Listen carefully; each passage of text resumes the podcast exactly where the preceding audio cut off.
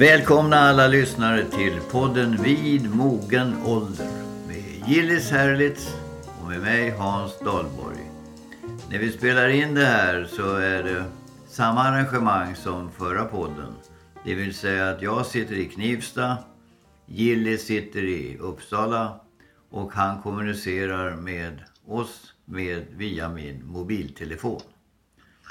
Det är idag eh, påskafton när vi spelar in det här. Vi har tidigare, för ett år sedan i en podd, berört påsken som högtid. Men eh, doktor Her Herlitz har säkert mycket mer att berätta om påsken. Och stilla veckan. Ja, ja, vi behöver inte ta upp tiden så mycket med att prata om alla saker som vi redan har talat om. Det är ju en fördel med poddar att man kan gå tillbaka och lyssna när som helst. Men eh, igår var det långfredag Hans. När vi spelade in det här nu på påskafton. Ja, det var långfredag igår. Just Det var, ja, kommer du ihåg dina långfredagar när du var barn? vad Ja, gjorde ni då? absolut. Jag gjorde absolut ingenting. Alltså, jag, jag fick... Jag, vi fick ju gå i kyrkan ja, i- från prästgården. Men sen, sen gjorde man... Vi, vi, vi gick inte ut ens tror jag. Man Nej. satt, satt väl och läste någon bok. Ja, och var väldigt försiktig och stillsam. Man fick ju inte ens stoja i hemmet. Jag kommer ihåg att SSU i Säter anordnade dans på kvällen, på långfredagskvällen i, i, i skyttepaviljongen. Och det väckte en oerhörd förtrytsamhet hos min far, kyrkoherden. Ja, det tror jag det. Han hade kunnat väcka, borde ha väckt samma förtrytsamhet hos lagens väktare. Jag vet inte vilket år du talar om eller vilka år, men det, vi har ju faktiskt haft nöjesförbud på långfredagen, bland annat, sedan 1786 fram Nej. till 1969 då det lyftes bort. Man, alltså de, först fattade man beslutet 1786. Jag tror att det var 12 dagar som det rådde nöjesförbud på. Man fick inte dansa, man fick inte leka, man fick inte göra det ena efter det andra. Och revyer och teaterföreställningar var tvärförbud på. Och eh, det, var lagstadgat alltså. Så 1960 sen lättades det där upp. Men 1969 lyftes det sista bort och det var långfredagen. Men det är helt Så- otroligt att det hängde kvar så länge. Ja, det kan man verkligen tycka. Men, eh, men om det skedde före 1969 att SSU ordnade dans i paviljongen så... eh, Så var det olagligt. Det lagvi, var lagvidrigt då i alla fall. Just det. Ja, Ja, sen har vi i övrigt i påsk, ja vad har vi mer? Hörde du... eh, ja vi hade på, på skärtorsdag. torsdagarna, på skärtorsdagen så brukar det ju komma påskkärringar och tigga om godis och vara festligt utklädda och lämna små kort och så. Hade du besök av många påskkärringar i år Hans? In, absolut ingen. Nej, har, här har det verkligen man varit lyhörd. Ingen har knackat på dörren. Det Nej, närmaste påskkärringar jag har kommit det är att när det var ett gympaprogram med eh, Sofia Åman på SVT. Hemmagympan. Och då skulle man i ett program ha ett kvastskaft. Det är väl ungefär så nära jag kom den här verksamheten. Hade du ett kvastskaft tillhanda då? Nej, det fick bli en rulle som man rullar upp en duk på. Men det, det var lite lättare naturligtvis och det är lite småfuskigt men det funkade. Men, men eh, skärtorsdagen, det måste komma ifrån... Eh, det, jag tror att det var så att, att Jesus tvättade fötterna på Ja, lärjungarna vid nattvarden och att de skulle bli rena. För skär skulle då betyda ren, är det så? Ja, så är det ju. Ja, visst. Ren och skär lögn säger Ja, man ja, just det. Vad är det för skillnad på om man, om måste säga ren och skär lögn? Om man måste säga ren och skär lögn, vad är det för skillnad? Ja, det är nog ingen skillnad. Det är sån här eh, tårta på tårta. Just det. Just det. Om än inte på fötterna som tvättades. Men eh, Hans, nu har vi haft karantän. Vi har levt med corona under rätt lång tid nu och många har isolerat sig. Tror du de här vanorna som vi nu tillägnar oss under coronatiden kommer att eh, på något sätt påverka oss även efter det att faran är över? Jag tror att det beror på längden av isolering.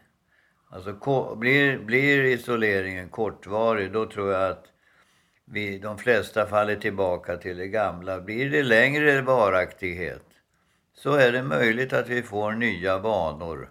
Det blir eh, färre, möte, färre möten. Och, och jag tror kanske att vissa beteenden som inte var så vanliga förr men som har kommit på senare tid försvinner. Jag tänker till exempel på kindpussar. Ja, det var inte vanligt i, hemma i Dalarna på 50-60-talet. Man skakade hand. Varenda östgötabonde ägnade sig åt detta må du tro. Nej, verkligen inte. Nej, så att eh, inga kindpussar.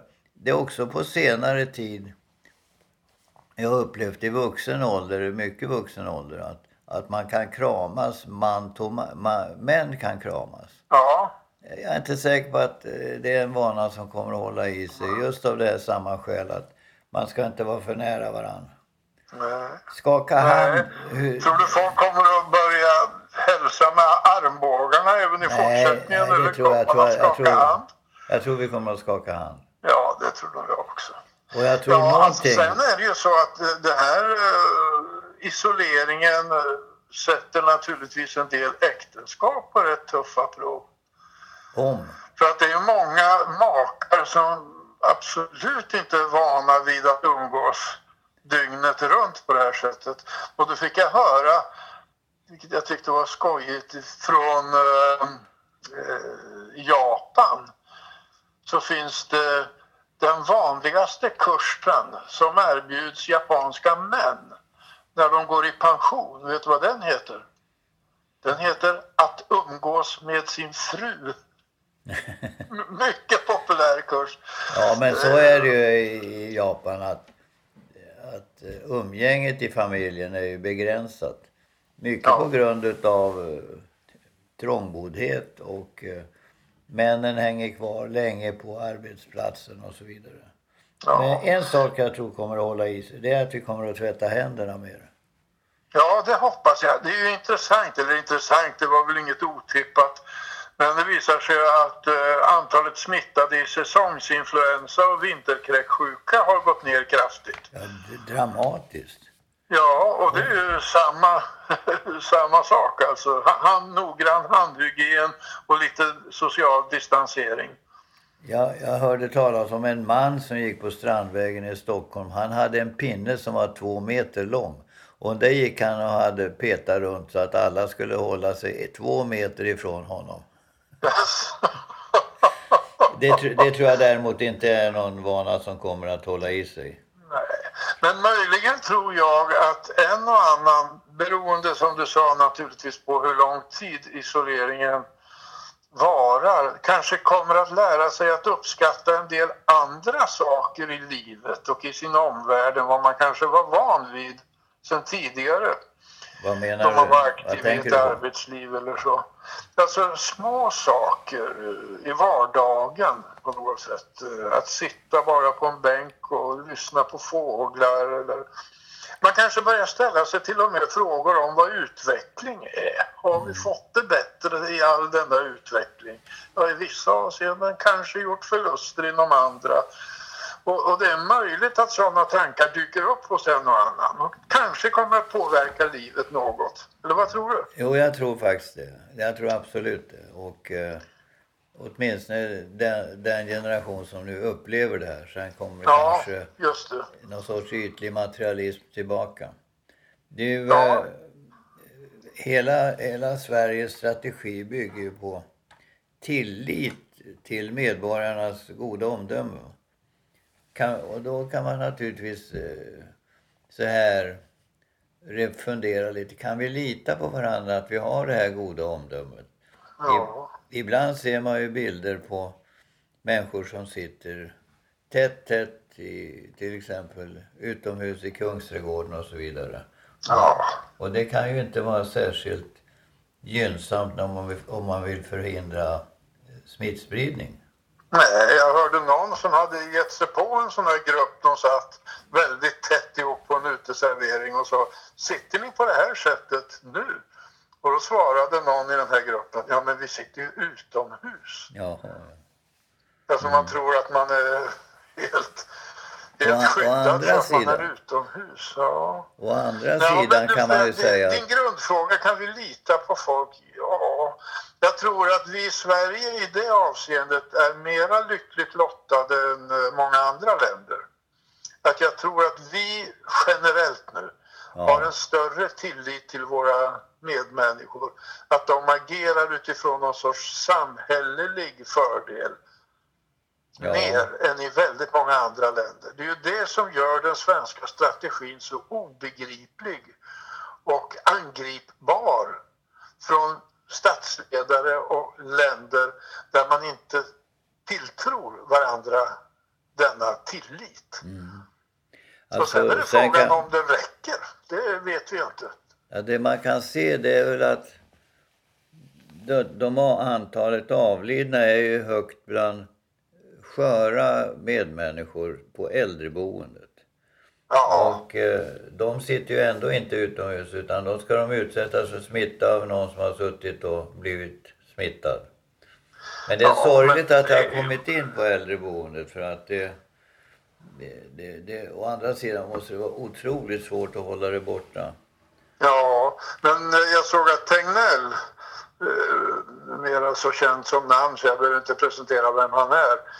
Han eh, försöker, alltså, tror att en del av förklaringen till de relativt höga dödstalen i Sverige i jämförelse med Norge och Finland exempelvis är just att vi har fått in smittan på Ja, äldreboenden. det, så är det. Så är det. Ja, och, Och och det det är är, ju stor- förskräckligt. Om det nu är så att det är människor som trots förbud, eller rekommendationer, och rekommendation ska ju egentligen i Sverige uppfattas som förbud. Eh, rekommendationer att inte besöka de äldre. Nu är det ju förbud, men det var ju inte det för några veckor sedan. Trots det har gått och besökt äldre och smittat kanske någon i perioden, då är det ju förskräckligt. Men jag tror inte, jag tror inte mycket kommer, kommer via personal som känner sig helt friska och som, Ja, ja och framförallt gäller ju det hembesöken som det kommer olika, Ja, hemtjänsten. olika, olika hemtjänsten åker kollektivt. Ja, men det är, det är inte lätt att hålla borta smittan då. nej, verkligen Sen inte. tror jag, sen tror jag eh, att man kan konst- kommer att kunna konstatera att, att eh, smittan har spritt sig där, är trång, där människor är trångbodda. Ja, och det är vissa områden i Sverige där man är trångbodd. Just det. Och vissa grupper. Ja. Ja, Ja, det, sen, ja, det, det det- finns mycket att att det- lära det- av den här krisen om man nu överlever den. det kommer att eh, naturligtvis analyseras på alla möjliga leder men det är väldigt tidigt att, och för tidigt att dra slutsatser. Man vet inte riktigt. Nej. Men det, men det är intressant det du sa det här att åtgärderna tvätta händerna, håll avstånd. Omedelbart så går kurvorna för vinterkräksjuka och influens, vanlig influensa rätt ner i backen. Ja, Vilket visar att det går att förhindra smittspridning. ja, det gör det. Absolut. Sen, sen kan man då fundera på, och nu är det här inte bara, det, alltså jag tycker inte om att det bara ska betraktas som statistik för det, det är människor, medmänniskor till oss som har, som har avlidit. Men Ja. det finns, ju, det finns ju en överdödlighet också av en vanlig influensa. Kanske är den, jag har ingen aning om siffrorna, men kanske tusen, tusen. Jag kan berätta för dig att för två år sedan så räknar man med att det var 3000 personer som dog i säsongsinfluensan. Var det det? Ja. Alltså i Sverige föds det ungefär 100 000 per år och mortaliteten är 90 000. Och så ökar då befolkningen om det inte finns invandring med 10 000. Och jag tror att där, om du tar den där säsongsinfluensan som åstadkom den, den högre överdödligheten så var väl angav man inte dödsorsaken till influensa utan man sa väl att det var den underliggande sjukdomen som ja, det tror jag. Det som tror framförallt var orsak. Så det blir lite... Siffrorna är svåra att jämföra. Men... Ja, det där tror jag är en klok varning Hans. Att inte övertolka statistiken. Men jag tror man kan ju ställa sig frågan varför är det sån uppståndelse kring corona? Det är ju inte alls samma uppståndelse kring säsongsinfluensorna som alltså har en, en relativt hög mortalitet också. Jag sa ju 3000 för två år sedan. Och jag tror att en orsak till det är att de kan vi skydda oss mot. Det finns vaccin. Alltså bristen på vaccin skapar en ångest i hela samhället? Absolut. Du går väl eh, och vaccinerar dig mot säsongsinfluensa varje år Hans? Jag har gjort det lite till och från kanske. Nej, ja, ja. du ska vara bekymrad. Det är samma sårbara grupper ja, i säsongsinfluenserna som i den här coronan. Mm. Och de erbjuds dessutom gratis för riskgrupperna. Men eh, så där har vi någon sorts trygghet men med coronan vet vi inte. Nej. Jag lovar att så fort det kommer fram ett vaccin mot corona så ska jag vara framme. Först i kön. ja. Alltså där, där kan man ju reflektera lite grann att när den så kallade svininfluensan härjade ja. så tog man fram ett vaccin och man kunde se köer av människor som, som gick runt kvarter för att få den Just det.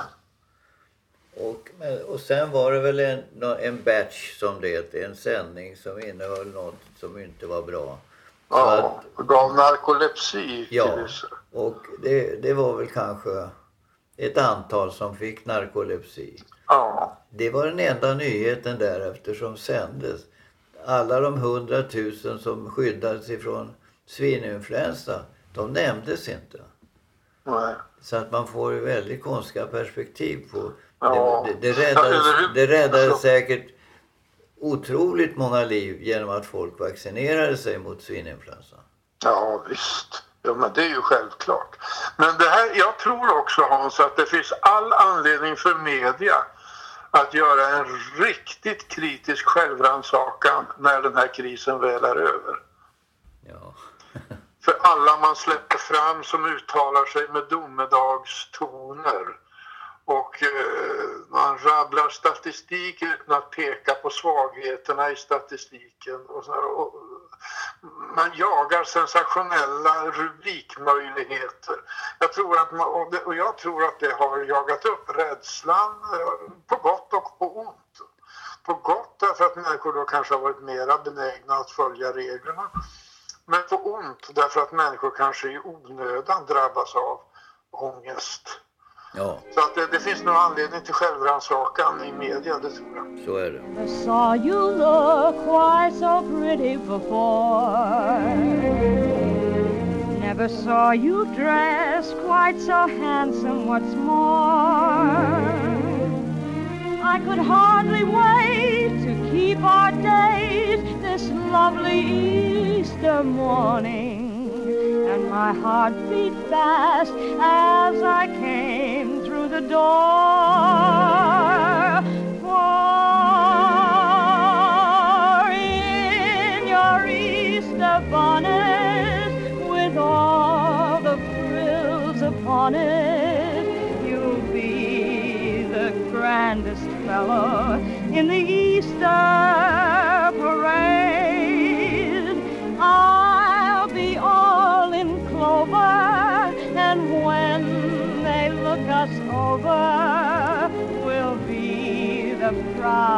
Couple in the Easter parade on the avenue, Fifth Avenue. Vi är ju nu i isolering här i, våra hem. Håller, Ja. du, håller du ditt schema? Jag säger ju att man ska schemalägga sin dag med Ja, frukost, sagt. Ja. gympa, promenader, städning, lunch. Deklaration kanske du snart dags att deklarera. Ja, ja, det är det. det. Alla papper har ju ramlat in. Tyvärr har de inte ramlat ut ännu. Alltså det, jag, jag förmodar att du också har sån här, det, det räcker inte liksom den här förtryckta varianten som kommer från Skatteverket. nä- nä- I det närmaste kan jag säga. Ja, jag har, Ja. Men eh, det är lite arbete med det där. Jag har det ju så bra förspänt så att eh, jag behöver inte bekymra mig utan det är min fru som vanligt som tar hand om deklarationerna. Men du, snälla Gillis, vad gör du själv för någonting? Mer än sitter och pratar i podd?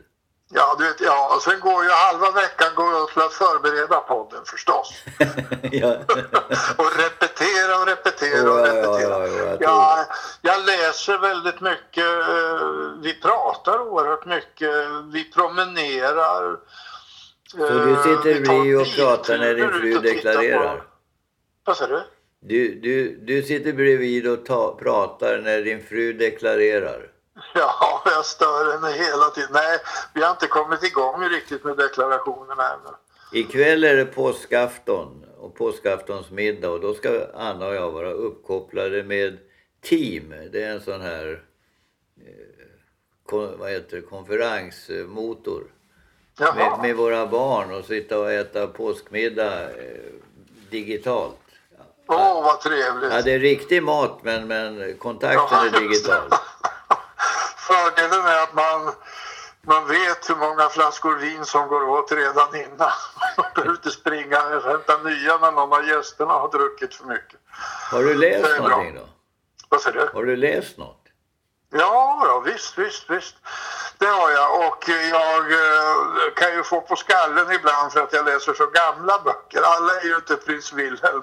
Men innan jag då refererar till detta så vill jag ha eh, en, eh, ett litet citat här från Joseph Joubert som säger så här.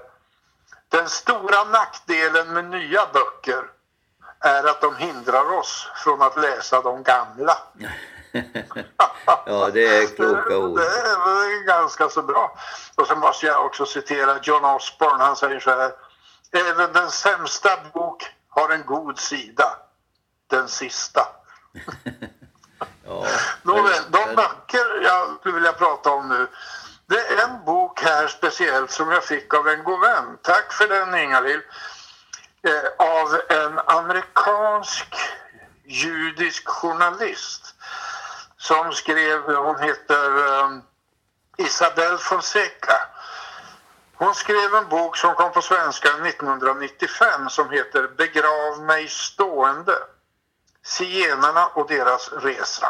Väl, lägg märke till att detta är 10-12 år innan ordet rom fick ersätta ordet zigenare. Och hon har besökt och levt med romer i ehm, östra Europa i flera år och skriver mycket om. Det är en blandning den här boken av eh, enskilda möten och livsberättelser och en historia över romernas utsatta situation i Europa och då i första hand i Östeuropa men vi går inte fria i vår del av världen heller. Och det är nog fruktansvärda historier som jag inte kände till. Visste du att romer var slavar i Östeuropa, i första hand i Rumänien men också länderna runt omkring något, i mer än 400 år och kunde säljas och köpas och bytas mot grisar och fjäderfän och allt möjligt sånt där. I 400 år. Så förfärligt. Ja, absolut. Och man splittrade ja, familjer. Alltså, det är ett slaveri vi har haft in på knutarna som ingen har reagerat inför. Nej.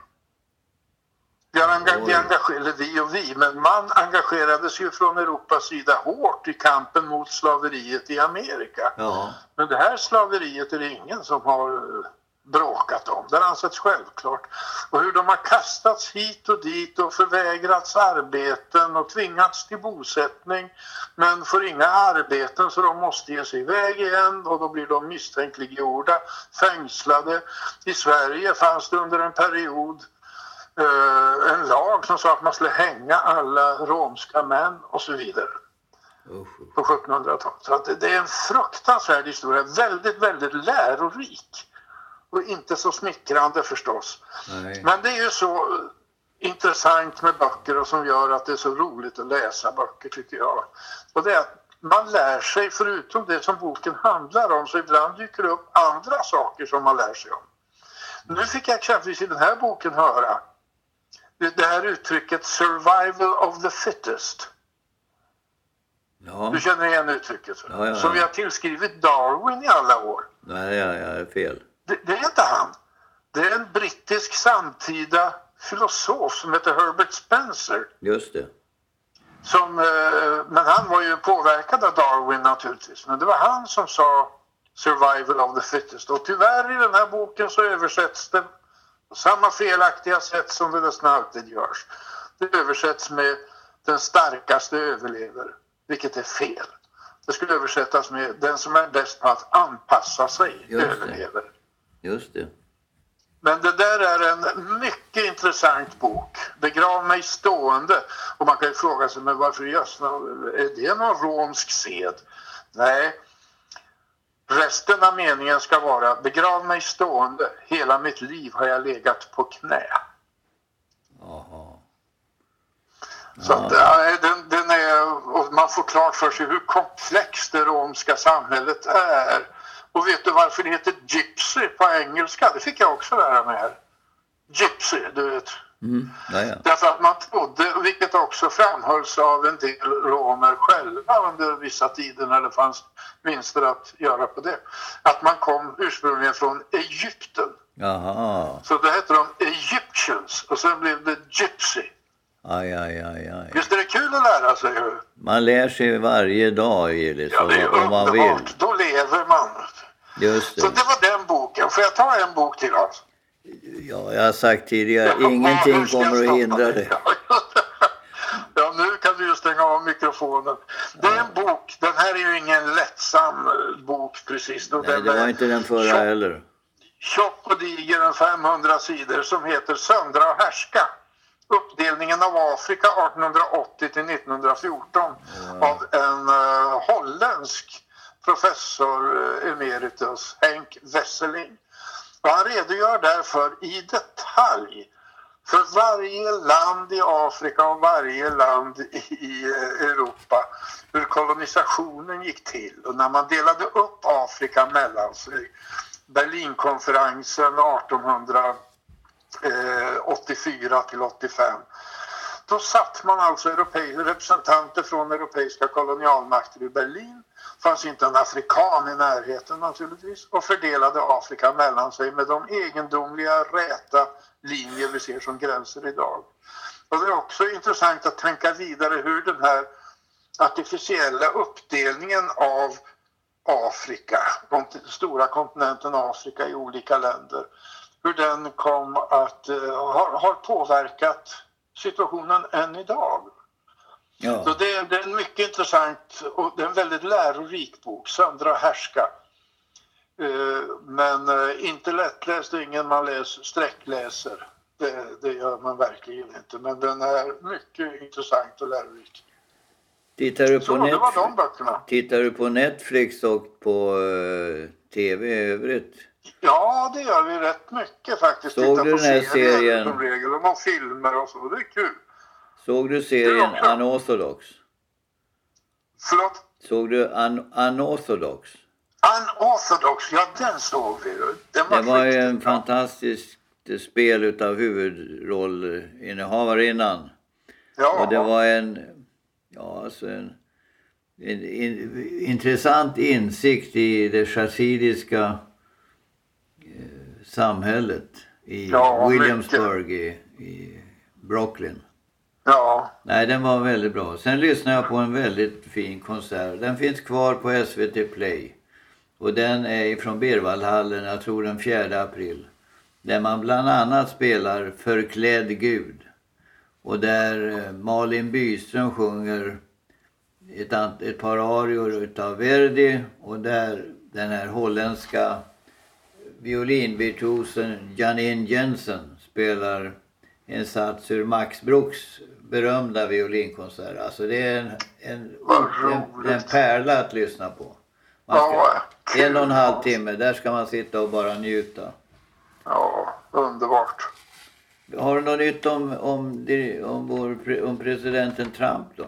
Ja, just det. Och får jag berätta en historia jag hörde om Trump? Ja, gärna. Jo, alltså det är, han, Trump och några medarbetare reser i Israel och plötsligt så dör Trump. Oj. Och en israelisk eh, begravningsentreprenör säger till de amerikanska medarbetarna Antingen kan vi skicka hem honom i en kista och ni får begrava honom i USA. Då kostar det 50 000 dollar. Men vi kan också ta hand om honom här och begrava honom här och då kostar det 100 dollar. Och de här amerikanska medhjälparna till Trump tittade på varandra och sa vi, vi, vi eh, skickar hem honom. Men varför då, sa, sa begravningsentreprenören. Det kostar ju 50 000 dollar. Det här kostar ju bara 100 dollar att begrava honom här. Ja, sa de, men vi vet att en gång begravdes det en man här i Israel och han återuppstod igen på den tredje dagen och det får inte ske i det här fallet. Så var det. Det passar bra vid påsk. Det passar då just På tal om, jag såg på tal om påsken, jag såg ett tv-program som handlar om, om Jesus sista tid. Och Ja, där olika forskare menar att stilla veckan var inte en vecka utan en betydligt längre tid. Och att eh, det var, Jesu död var en del utav det politiska maktspelet i Rom.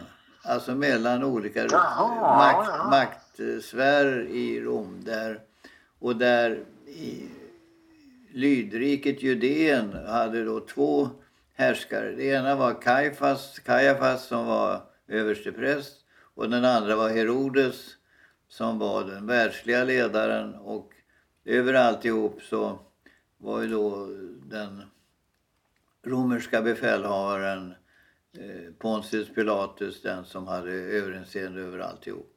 Och sen ske, samtidigt skedde då maktstrider i Rom om den yttersta makten och där det gällde för Herodes och Kajafas och även Pontius Pilatus att stå på rätt sida.